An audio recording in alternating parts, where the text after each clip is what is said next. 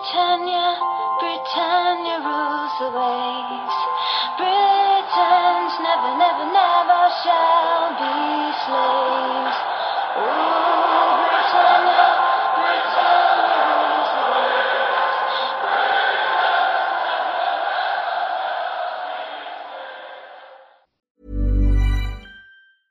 Ryan Reynolds here from Mint Mobile.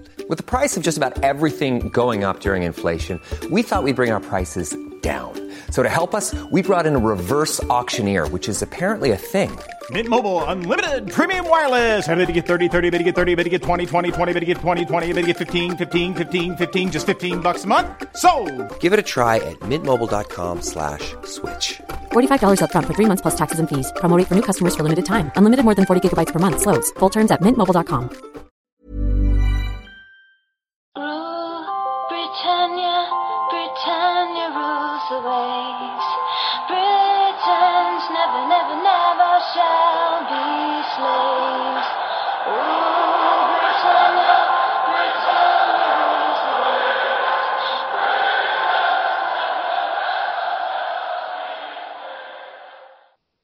Välkomna tillbaka till Svenska FPL-podden, del två utav laggenomgången. Nu har vi gått igenom de tio första lagen eh, med lite tips och tankar kring de olika lagen. Och eh, jag tänkte det är lika bra att vi fortsätter på en gång och går vidare. Och nästa lag är ditt lag, Stefan, eh, att gå igenom och det är Leicester City. Yes, Leicester som leds av Claude Puel. Jag tror då att Leicester kan få svårt nu när Mahrez har lämnat. Eh, de, eh, ja han har varit liksom kreatören på mittfältet i, för dem i, i bra många år. Eh, jag tror att Wardy kommer få, få sämre bollar. Eh, och att, eh, men däremot så skulle de kunna behålla ett bra, bra försvarsspel. De har ju Schmeichel i kassen. Eh, de har Maguire där bak. Eh, och ur fantasy-synpunkt så tycker jag då att eh, Maguire eh, kanske är den som, som är mest intressant för 5,5. Han är en väldigt målfarlig back, stor, vinner mycket dueller. Sverige fick erfara det i VM när han stänkte en kasse där på en skithörna. Men, men även i fantasy så hade han väldigt mycket lägen offensivt och om man kollar i slutet av förra säsongen så, så borde han definitivt ha gjort eh, eh, fler poäng än, än vad det faktiskt blev eh, offensivt. Eh, sen har de värvat in eh, Madison eh, på mittfältet som är väl säkert tänkt att ersätta eh, Mares eller försöka ersätta Mares. Eh, han kostar 6,5. Eh, det här är en specialist på fasta situationer. Eh, han gjorde 14 mål för, för Norwich eh, i fjol i Championship. Eh, och han var även den spelaren som skapade flest chanser i hela Championship. Men som sagt, skillnaden på Championship och Premier League kan vara rätt stor. Så det behöver inte betyda allt för mycket. Men i och med att han tar fasta så, så visst, han kan vara spännande. Och 14 mål, det tyder på att han är en hyfsat bra frisparks och straffskytt Eh, om man vill eh, betala lite mindre så finns även eh, Mark Albrighton eh, för 5,5 eh, på mitten. Han har ju då eh, rutinen eh, och kommer även han få, få bidra med ett större ansvar när, när Mares nu, nu har lämnat då. Eh, I övrigt så tycker jag, som, som jag var inne på, Wardy tycker jag inte känns jätteintressant nu när, när Mares har lämnat. Nej, Vardy kommer ju säkert smälla dit eh, ett, eh, ett par bollar. Eh, men han är prisad rätt högt också så att då får man kolla vad det finns, finns för alternativ helt enkelt. Ja, jag hoppar vidare i Liverpool. Ett jättespännande Liverpool skulle jag vilja säga i år. De har ju varit ett av få lag som har varit väldigt tidiga ut i transfercirkusen och gjort ganska intressanta värvningar skulle jag säga. Både för, för lagbygget och inför ligan men även ur fantasy-synpunkt. Uh, och det, Liverpool är faktiskt ett lag som jag hittar en del värde i och eh, det skulle inte förvåna mig om jag kommer sitta med, uh, med tre spelare från Liverpool. Det är inte många, många lag som ens överväger det. Men Liverpool har ju alltid varit väldigt offensivt fröjdiga med med, med Klopp som manager. Däremot har det ju läckt lite bakåt, något som de tätade till förra året. Uh, man ser värvningen av van Dijk som gjordes i januarifönstret och nu här eh, ny målvakt. Äntligen, tror jag alla Liverpool-fans tänker med Alison Becker från, från Roma som ändå måste ses som en av Eh, han ska väl nämnas som eh, av de topp fem målvakter i världen, skulle jag, skulle jag nog vilja säga. Han höll ju höll ju Ederson från City bänkad i Brasiliens landslag till exempel. Eh, och Ederson gjorde ju en väldigt fin eh, premiärsäsong i Premier League förra säsongen.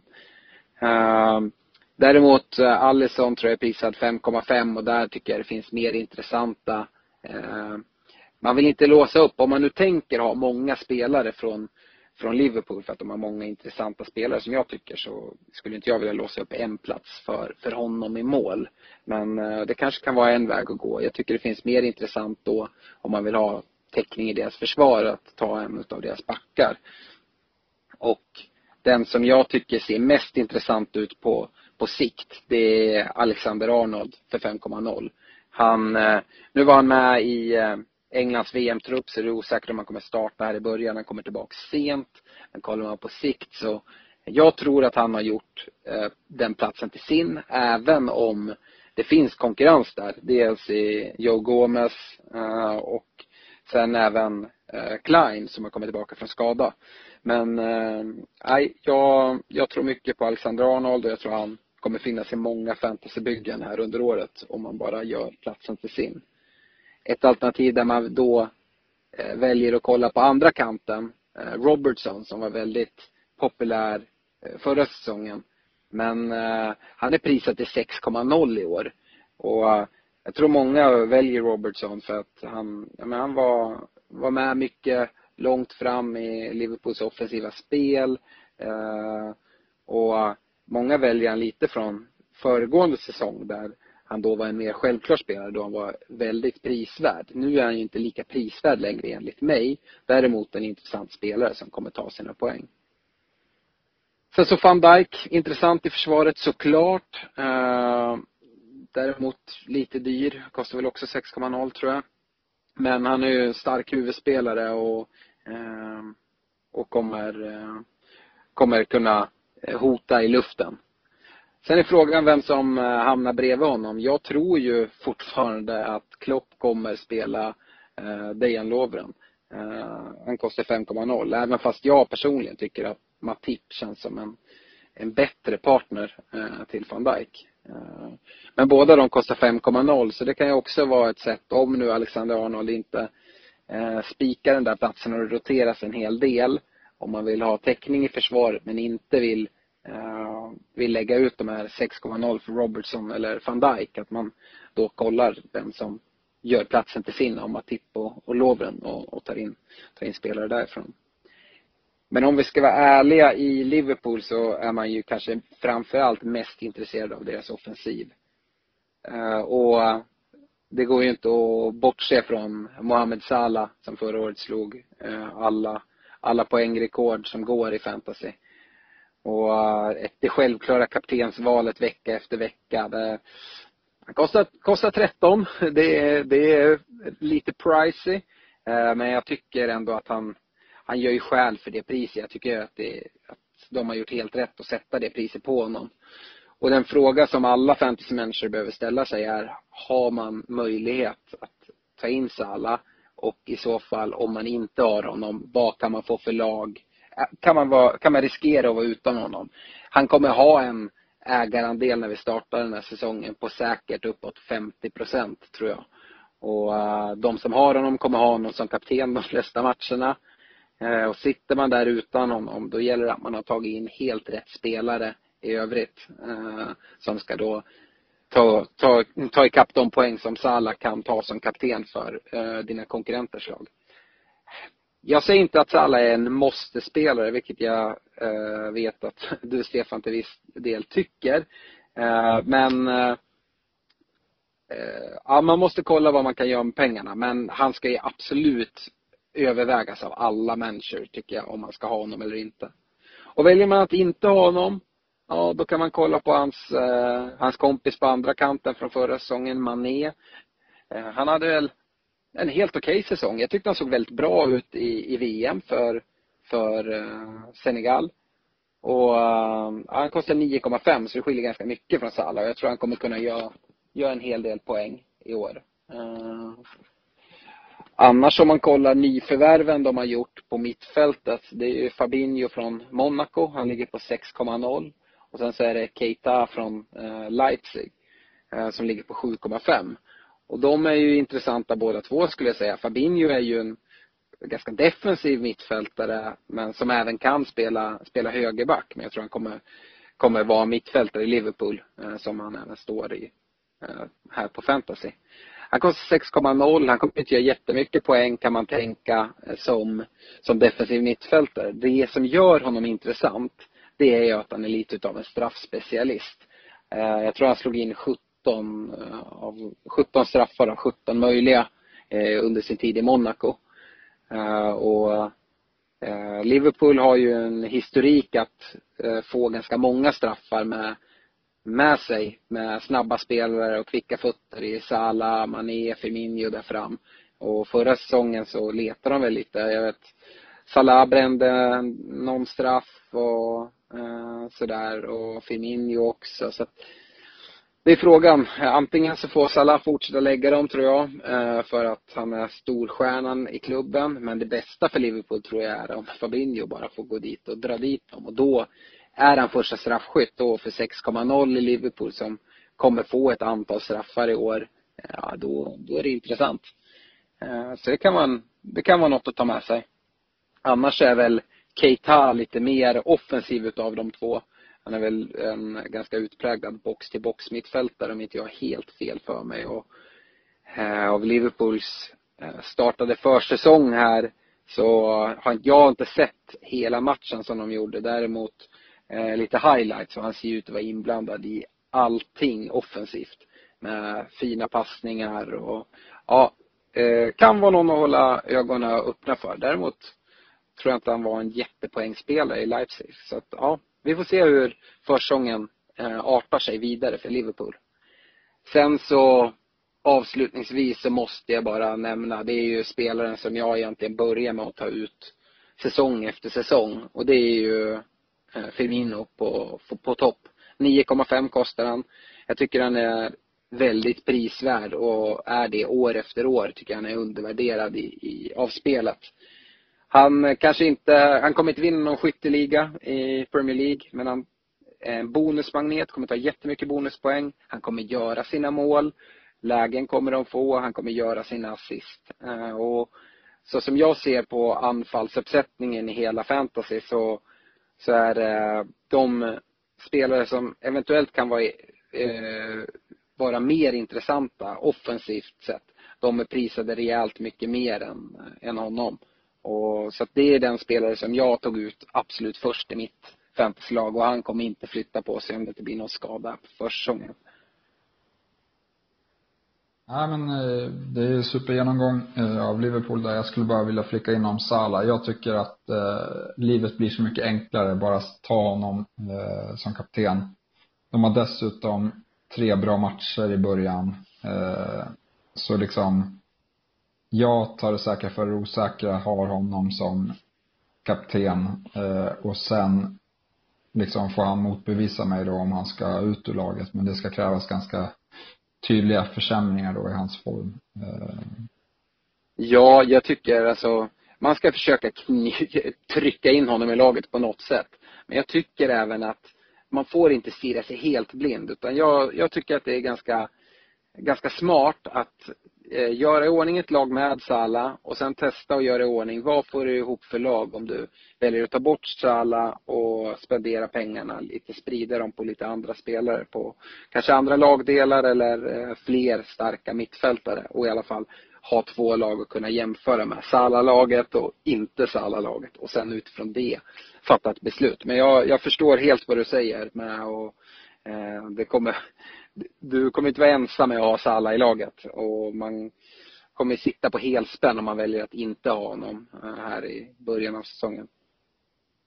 Absolut. Eh, då glider vi över på eh, ligavinnarna från i fjol, Manchester City. och de slog väl mer eller mindre alla Premier League-rekord som fanns i fjol. Väldigt många i alla fall. Men nu är frågan om Pep Guardiola kan försvara Premier League-titeln här då, som, eh, som erkänt är en svår titel att försvara.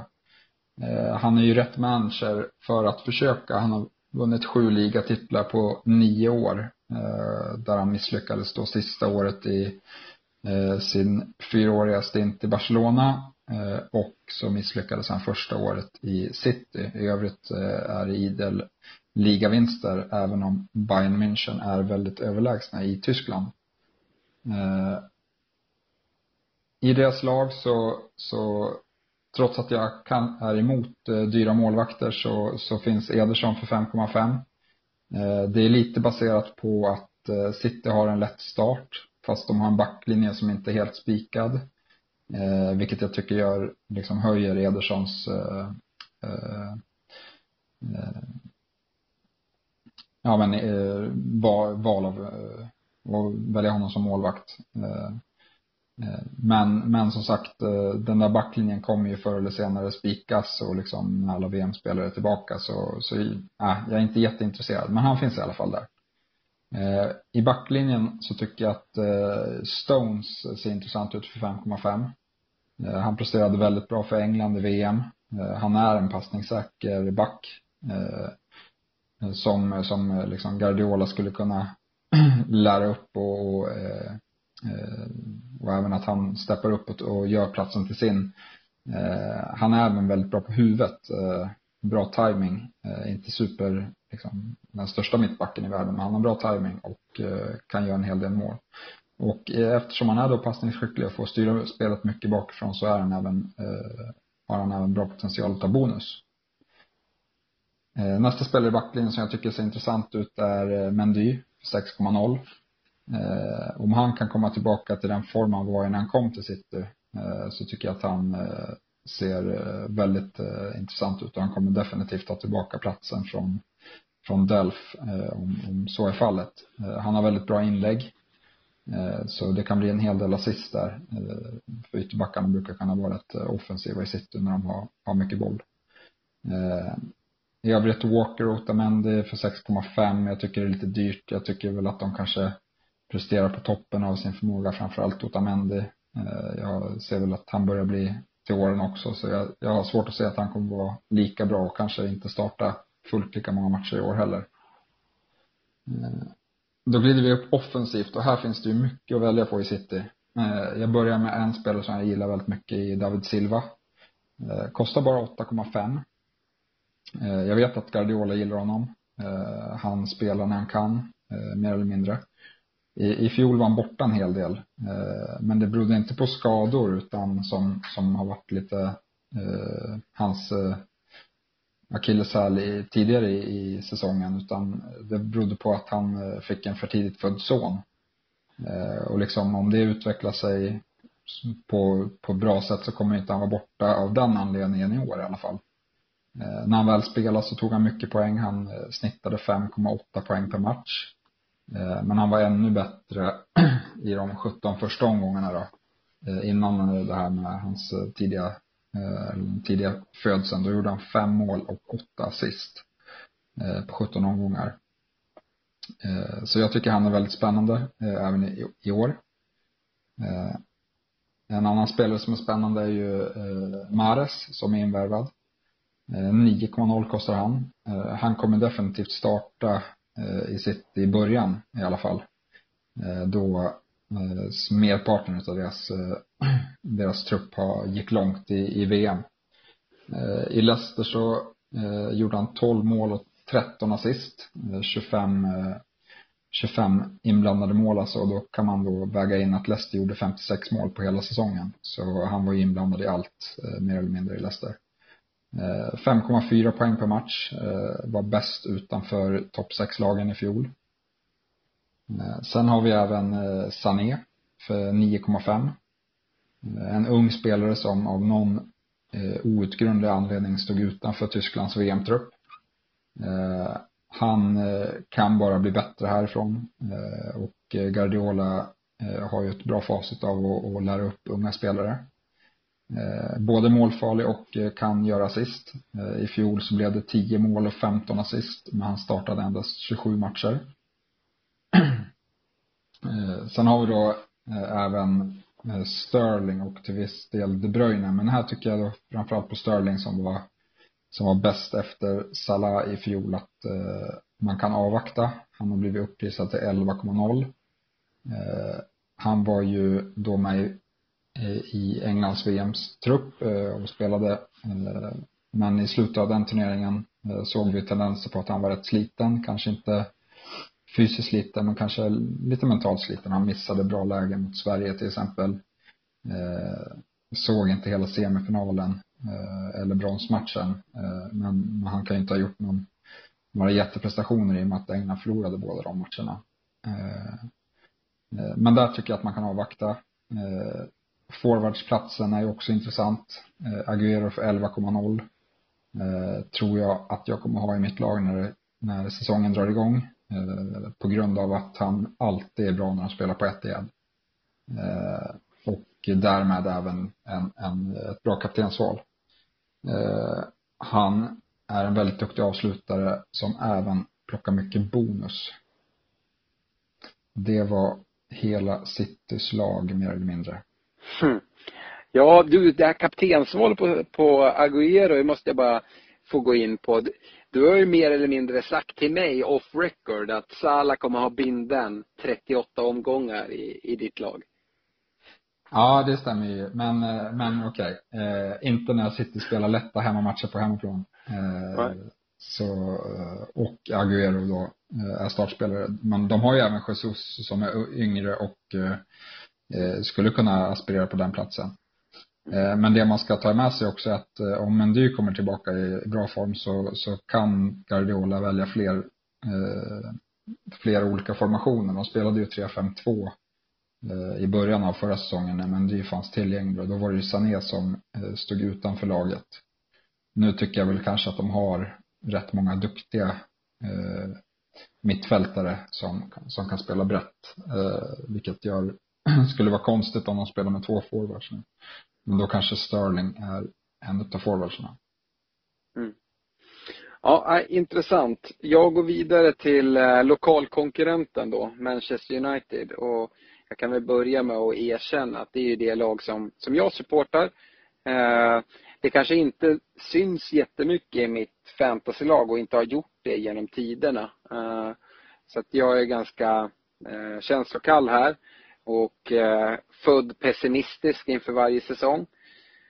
Men eh, jag har kollat på United. Eh, du pratade om dyra målvakter här med City och Ederson. Det går ju inte att nämna United och kolla på deras fantasyspelare utan att nämna de Gea. Han är prisad till 6,0 dock. Eh, och den dyraste målvakten i, i spelet. Eh, det finns ju en anledning till det. Eh, förra året var det en del som grämde sig för att inte hoppa på tåget och ta den, den dyra målvakten. För han sticker ju ut på det sättet, eller gjorde förra året i alla fall, att eh, spela i ett lag som håller eh, väldigt många nollor, flest utav alla lag i Premier League förra säsongen, men ändå få väldigt många skott på sig. Eh, och då göra väldigt många räddningar såklart. Så att, ja, det går inte att förbise honom att eh, tänka att man ska gå för honom.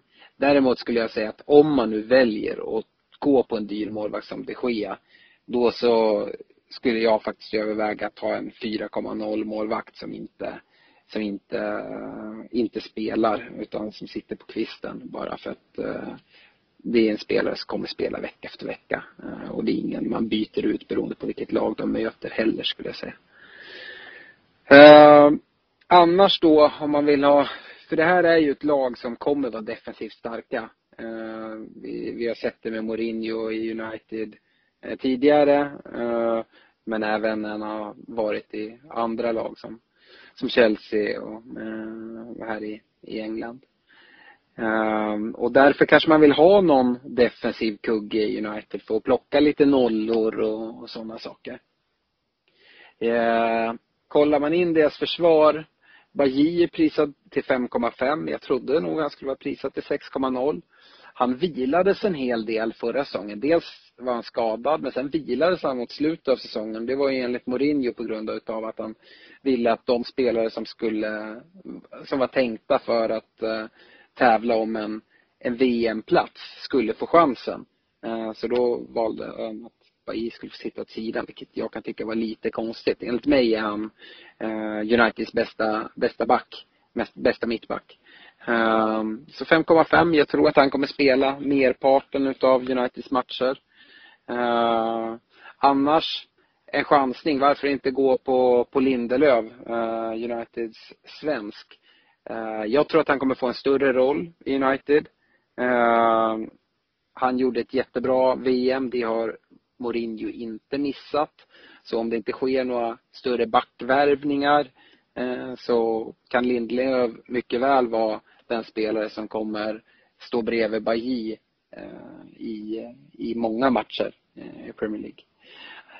Annars en spelare som man har skämtat en del om och skrattat en del åt och undrar vad, vad är det som händer där och lite som ett mobboffer. Det är ju Luke Shaw på vänsterbacken. Eh, han är prisad till 5,0 och jag tycker att han kan vara intressant. Och anledningen till att jag säger det, det är att Mourinho har lyft fram han lite nu i presskonferenser på försäsongen och sagt att han tycker att Shaw har tagit eh, en del steg eh, i sin utveckling. Eh, han kom tillbaka och hade de bästa fysvärdena eh, efter, efter semestern och eh, har fått chansen här i början av försäsongen. Och gör han vänsterbacksplatsen till sin, eh, det vill säga snoren från Ashley Young som det ser ut idag om det inte blir någon värvning där, eh, så kan Shaw eh, definitivt vara intressant. Ashley Young lär ju knappast starta säsongen heller. Jag är rätt säker på att Shaw kommer starta om man nu kollar på kort sikt och tar in någon United-försvarare så skulle jag gå på så. Mittfältsmässigt eh, har vi Alexis Sanchez som kom eh, här under förra säsongen, eh, mitt i. Han eh, prisat till 10,5 så får han, får anses som en premium mittfältare. Men eh, ja, vi alla som har spelat fantasy vet ju vad han kan och vad han har presterat tidigare. Förra säsongen var väl inte jättelyckad. Nu däremot får han en försäsong eh, med laget och en ordentlig uppbyggnad. Eh, han har kommit in lite mer i laget. Det är en spelare som kommer spela vecka efter vecka.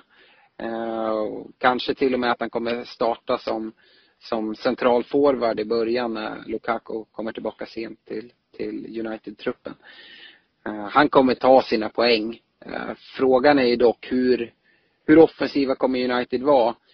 De två försäsongsmatcher som har spelats nu, som jag har sett, så ser man inte några tendenser till att Mourinho ska lämna sitt defensiva tänk och eh, gå full fart framåt. Och då är frågan, vill man lägga 10,5 på en spelare i ett lag som, som kommer vinna en hel del matcher med 1-0 kanske? Eh, jag vet inte. Eh, men eh, ja, han ska man väl i alla fall fundera på. Han kan mycket väl vara en intressant spelare. Lingard, mittfältare, 7,0. Eh, Mourinho gillar honom. Han gör en hel del poäng, sliter en del. Billigt sätt att komma in och ha någon täckning i Uniteds offensiv. Kommer också starta en del matcher. Kommer inte spela vecka efter vecka som Sanchez, men han kommer spela många matcher, det tror jag. Och sen har man Pogba och där är det ju han är prisad 8,0 och det är det som jag tycker gör honom intressant. För han har en enorm potential och med frisparkar och eventuellt straffar. Eh, han, eh, han har en potential och frågan är om han kommer få ut det. Och det handlar ju mycket också om Mourinho och hur han kommer välja att spela, spela Pogba. Och längst fram har vi Lukaku som är ju en av premiumanfallarna i spelet. Eh, I prisat till 11. Också en spelare som förmodligen kommer spela vecka efter vecka när han väl har kommit tillbaka från VM och eh, fått, eh, fått lite försäsong. Då kommer han spela vecka efter vecka. Det såg vi förra året och han kommer göra sina mål. Eh, också en eh, potentiell straffskytt om inte Pogba slår dem. Så att, eh, ja. Eh, Lukaku tycker jag kan vara intressant att titta på senare Eh, delen av säsongen när, de har kommit tillbaka från VM och sådär. Om eh, United får igång sitt spel så kommer han vara inblandad i, i mycket offensivt. Ja, men grymt. Eh, jag går vidare med eh, Newcastle. Rafa Benitez leder om. Brukar innebära defensiv fotboll och ett starkt försvarsspel. Jag tycker inte jättemånga spelare ser intressanta ut här. Dubravka i mål för 5,0 eh, kan vara eh, en intressant målvakt. Eh, han kom in i, i vinterfönstret i fjol Eh, och gjorde det riktigt bra. Eh, så eh, om jag inte missminner mig så tog han någon straff också där.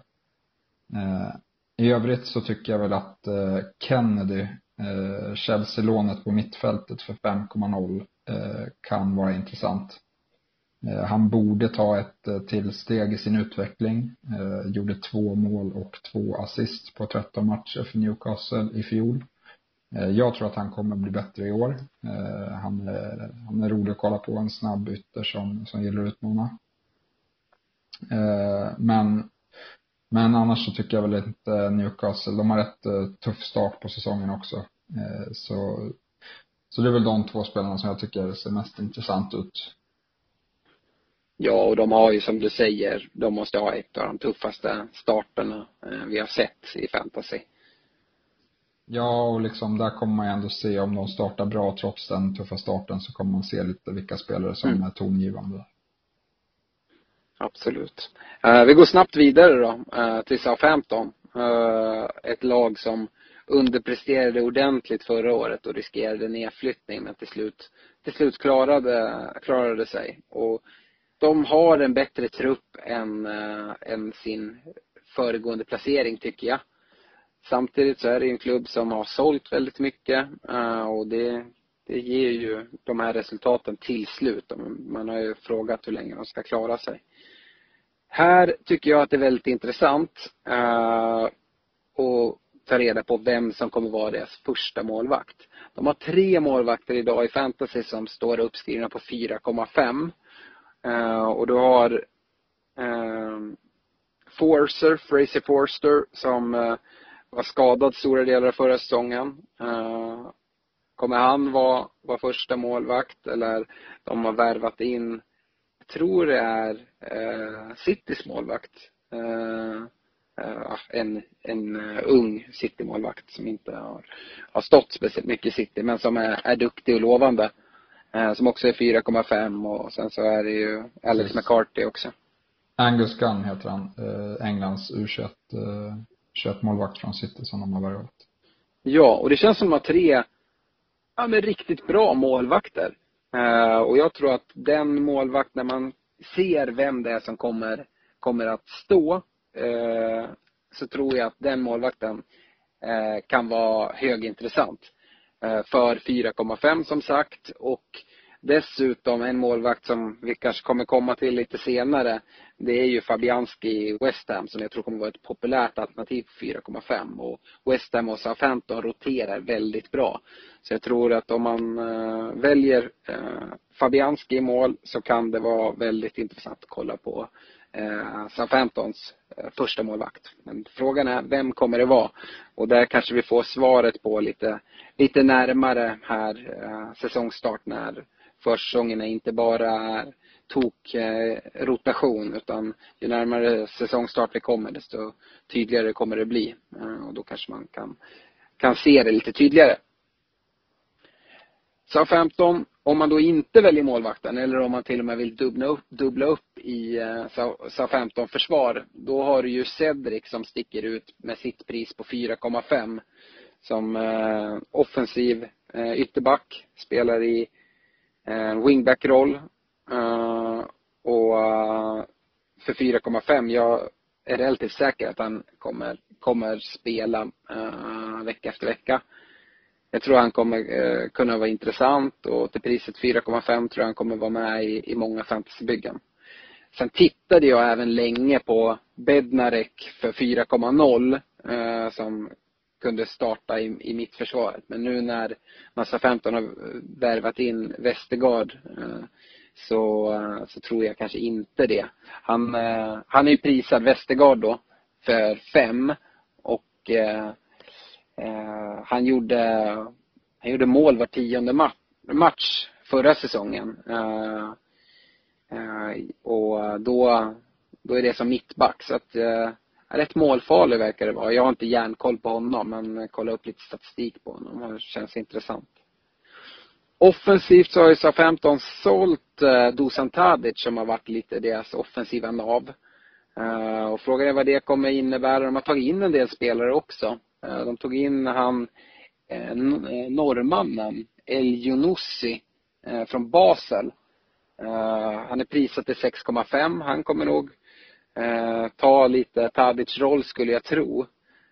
han, han gjorde 14 mål på 45 matcher i Basel förra säsongen. och offensiv spelare. Han han kan vara intressant och annars så är det den eviga talangen James Ward-Prowse som är prissatt till 5,5 och lite specialist på fasta situationer som, som kan vara intressant om han lyckas eh, knipa en plats i startelvan och eh, börja producera mer regelbundet.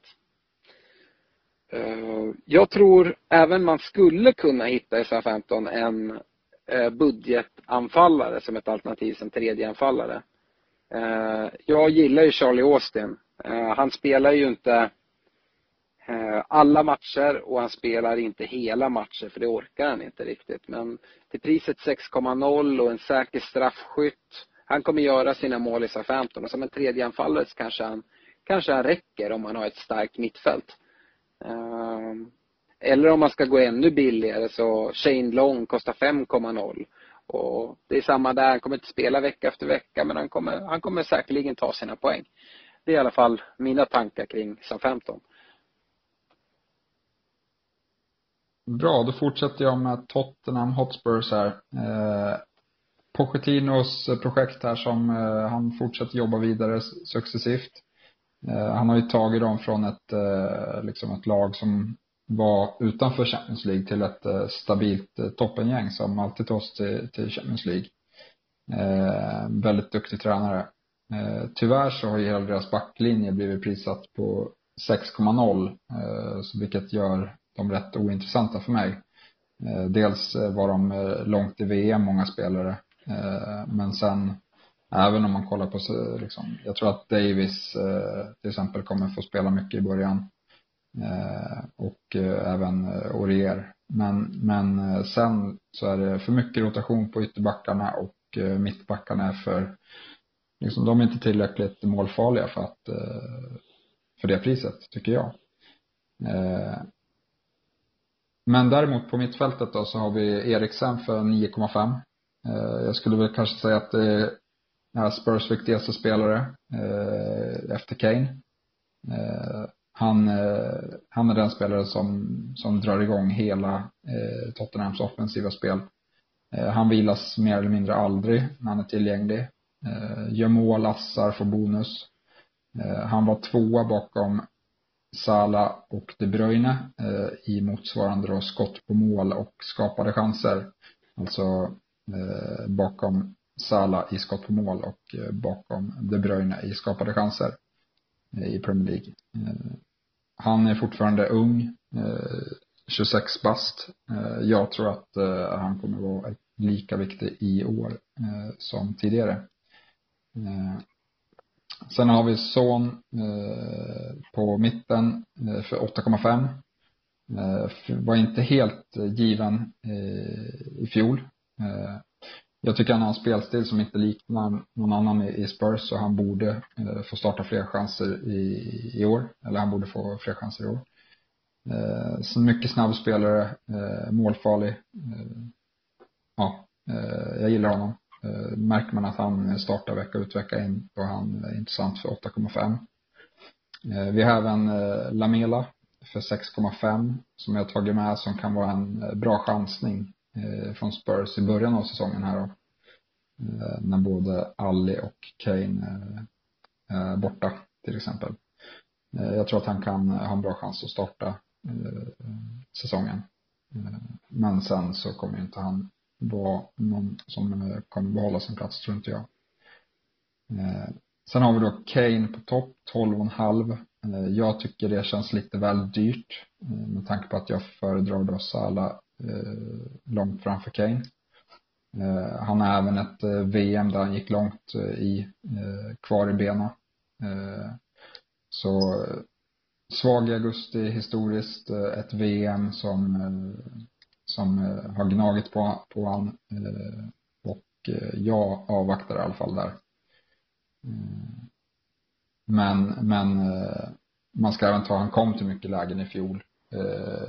Hade kanske sämre facit än man brukar på att sätta dit de där eh, avsluten. Så eh, absolut, eh, hittar han formen så så måste man försöka få in honom då han mycket väl kan både göra tre och fyra mål mot lite svagare motstånd.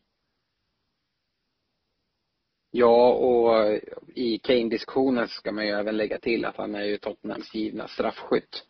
Vilket, vilket är intressant. Sen så värt att tillägga också på Son som du nämnde, det är väl hans då risk att missa lite utav inledningen utav säsongen kopplat till, eh, till Sydkorea kommer spela någon, någon asiatisk form av OS eller mästerskap där borta som han kan tvingas bort till som, som jag har förstått det. Ja, precis.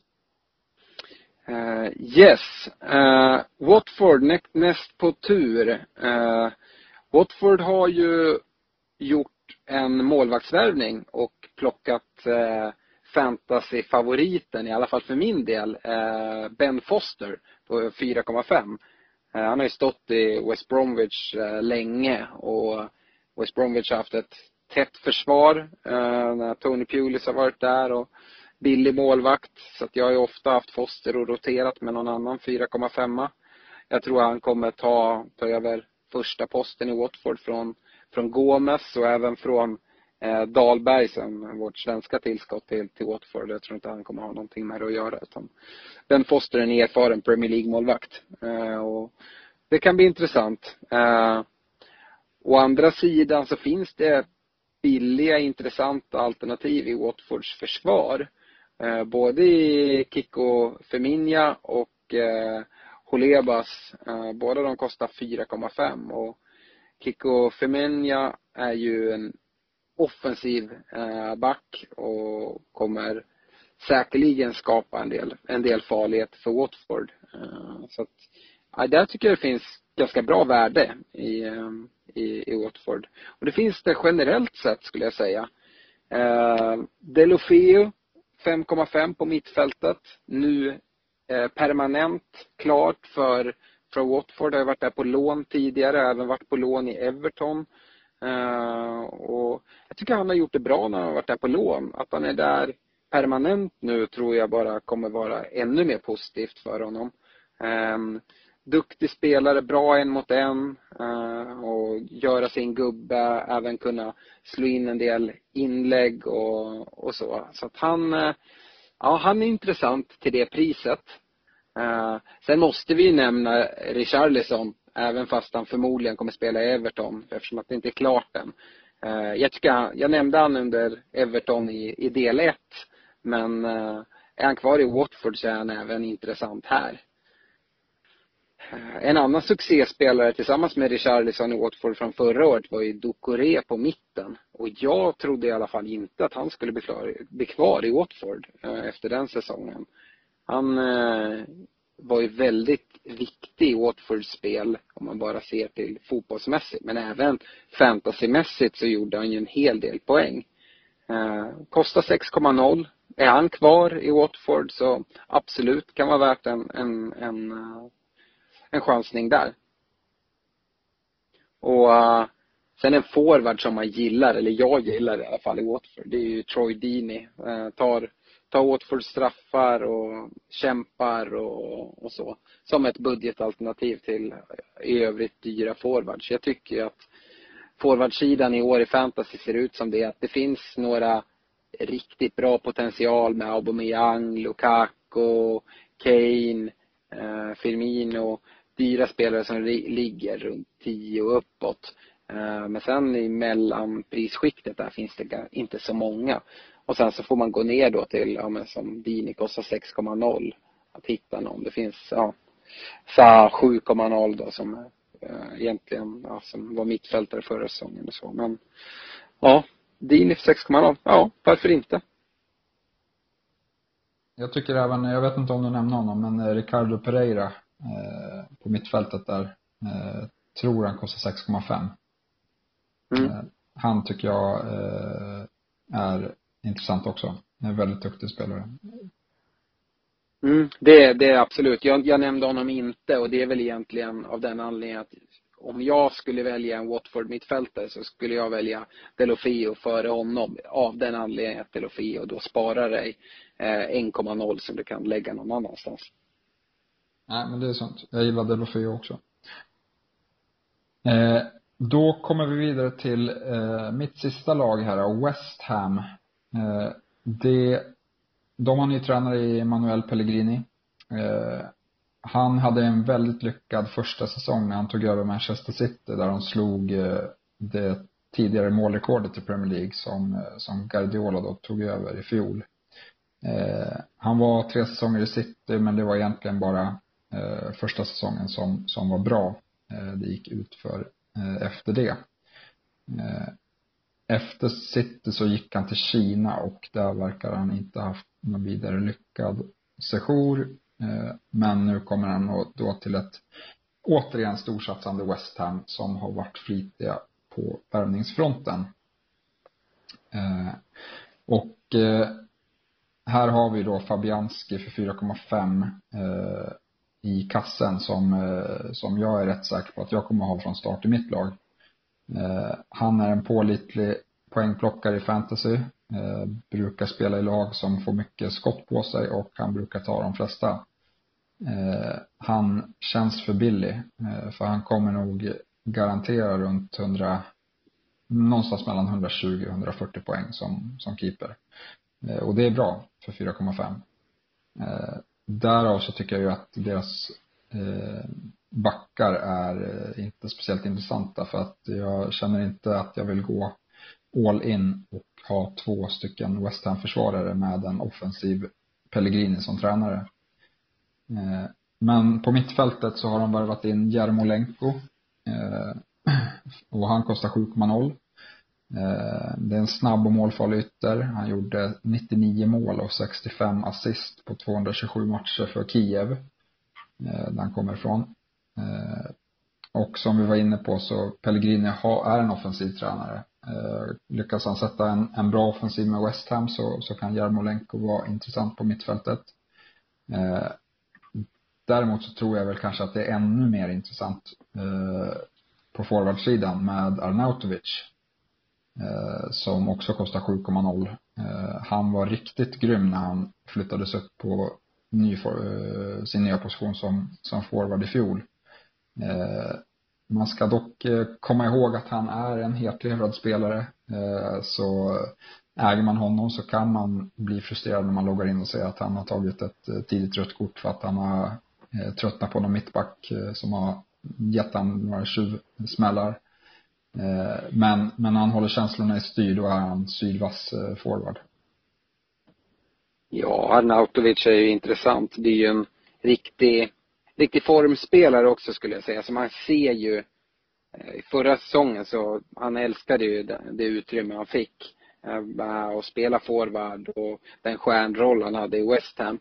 Man får väl se nu den här säsongen. Det kan ju, han är en humörspelare enligt mig om han börjar bra och så, då kommer han säkert leverera. Men om det börjar gå lite tungt och sådär, är han en spelare som lätt hänger med huvudet och gör lite dumma saker som du nämner. Mm. Eh, man kan tillägga att West Ham även har värvat in Jack Wilshere från Arsenal och eh, Filippe Andersson från, från Lazio som känns som, som spännande nyförvärv. Eh, som kommer att göra, göra det bra i West Ham-tröjan tror jag. Mm. Tror du någon av dem kan vara intressant ur fantasy-synpunkt? Eh, nej, jag, går, jag skulle, Filippa Andersson kostar också sju. Eh, han, eh, jag rankar Jarmolenko lite högre. Eh, svårt, Filippa Andersson var inte helt given i Lazio. Eh, han var lite, han hade mycket skadeproblem i, i fjol. Mm. Eh, men, men han han är, han gillar att dribbla väldigt mycket. inte riktigt lika målfarlig. Så men, men Wilshire skulle kunna vara intressant också. Han kommer troligtvis spela lite, en lite, ha lite mer defensiv speluppbyggande roll eh, på mittfältet. Han kostar bara 5,0. Eh, men, men eh, inte heller någon liksom riktig, han kan göra några assist men, men han är ingen vidare målskytt. Men jag gillade dock hans eh, avslutande halvår när han kom tillbaka och var skadefri för en gångs skull i Arsenal. Jag tyckte han var riktigt bra då. Mm. Ja, vi går till det tjugonde och sista laget och även den sista nykomlingen för i år, Wolverhampton. Eh, här är ju ett lag som vi gick igenom här i eh, första avsnittet när vi gick igenom nykomlingarna lite mer så pratade vi en del om, om Wolverhampton och är väl ett lag som sprang, sprang hem Championship relativt bekvämt. Ett offensivt lag. Eh, som eh, är, ja men spännande. Jag, jag ser dem inte riktigt som ett Championship-lag. De har ju haft eh, spelare som är lite för bra för, för Championship och eh, tunga kinesiska ägare som är, investerar mycket och en eh, superagent i Jorge Mendes som är inblandad på något sätt i klubben, oklart vilken roll. Eh, men det gör att de har knipt en del spelare som annars hade hamnat i lite lite bättre klubbar är jag rätt säker på om det inte vore för Jorge Mendes. Eh, I, I Wolves lag så, eh, om vi börjar bakifrån. De har eh, två intressanta försvarare skulle jag säga. Framförallt så är det väl Douglas, eh, en eh, skotsk spelare som kostar 5,0. Han eh, gjorde 14 assist i Championship förra året, vilket är väldigt imponerande som försvarare. Eh, mycket av det är för att han slår en hel del fasta situationer.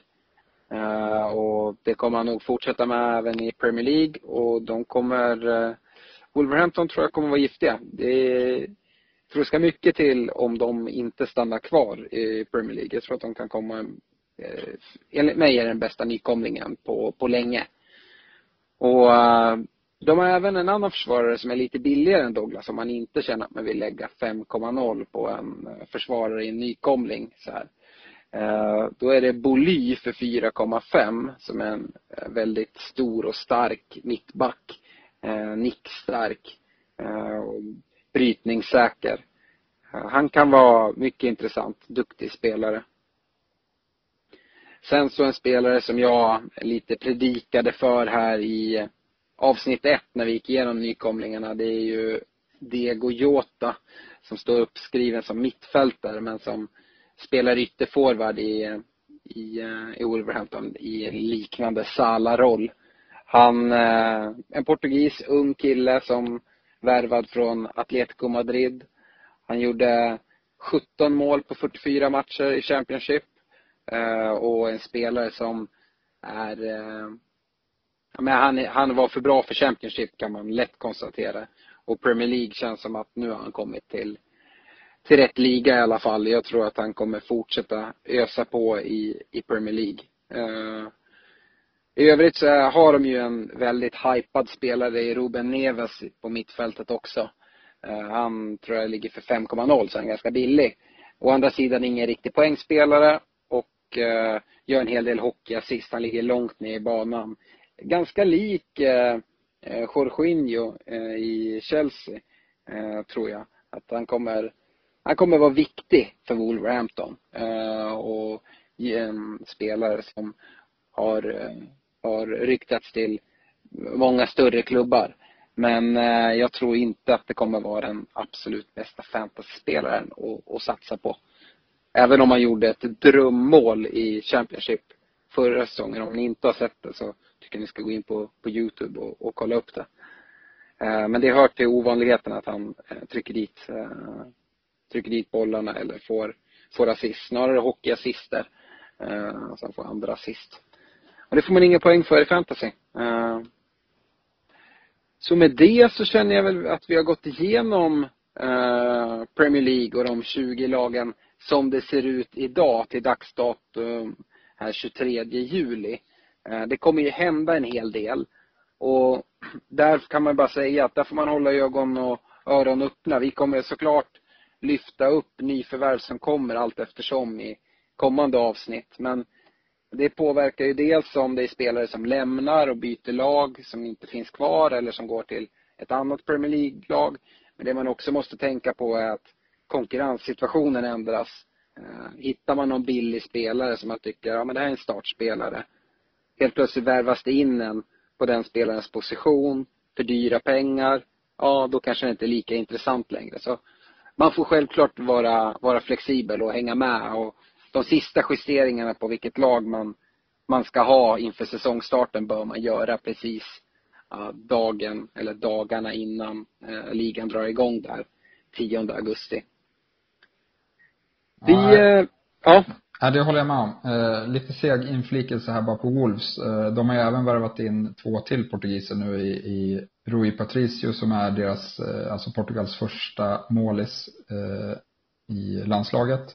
Och eh, idag så gjorde de klart med Moutinho från, från Monaco. Eh, så eh, det är ju mer eller mindre halva Portugals eh, landslag där i, i Wolves, vilket känns eh, helt sjukt för en, för en nykomling i Premier League. Det hade väl bara fattat eh, att de hade tagit in Cristiano Ronaldo framför Juventus där. Ja, man kan ju väl nästan ringa Jorge Mendes och fråga hur nära ja. det var liksom. Att han mm. kom till Wolves. Ja. Nej, men de kinesiska pengarna också har de eh, mycket resurser för att investera och det är väl inte helt omöjligt att det kommer komma någon värvning till. Portugis eller inte, det får vi väl se. Men eh, ja, det är ett intressant, intressant nykomling kan man lugnt säga och de, de är i Premier League för att verkligen etablera sig och siktar högt skulle jag tro. Mm. Nej men annars så ska det bli extremt spännande nu. Nu börjar det dra ihop sig med träningsmatcherna här också. Eh, så att eh, det är ju snart bara eh, eller ja, snart kommer ju Community Shield här eh, mm. eh, kicka igång. Eh, och då kommer man ju ha mycket bättre koll på, på laguppställningen än vad man har idag. Absolut. Men med det så tackar vi för oss och Hoppas ni tyckte att det har varit ett eh, bra och nyttigt avsnitt. Om ni inte har lyssnat på del 1 så rekommenderar jag er att göra det. Då vi går igenom lagen i bokstavsordning från Arsenal fram till Huddersfield. Eh, och eh, kom ihåg att följa oss och gilla oss på vår Facebook-sida, Svenska FPL-podden. Och skicka gärna in frågor eller feedback eller ämnen ni vill att vi ska prata, prata om inför, inför säsongen. Skriv på Facebook-sidan eller mejla oss på svenskafpl.gmail.com. Eh, med det så tackar vi för oss. Ha det bra! Ha det bra!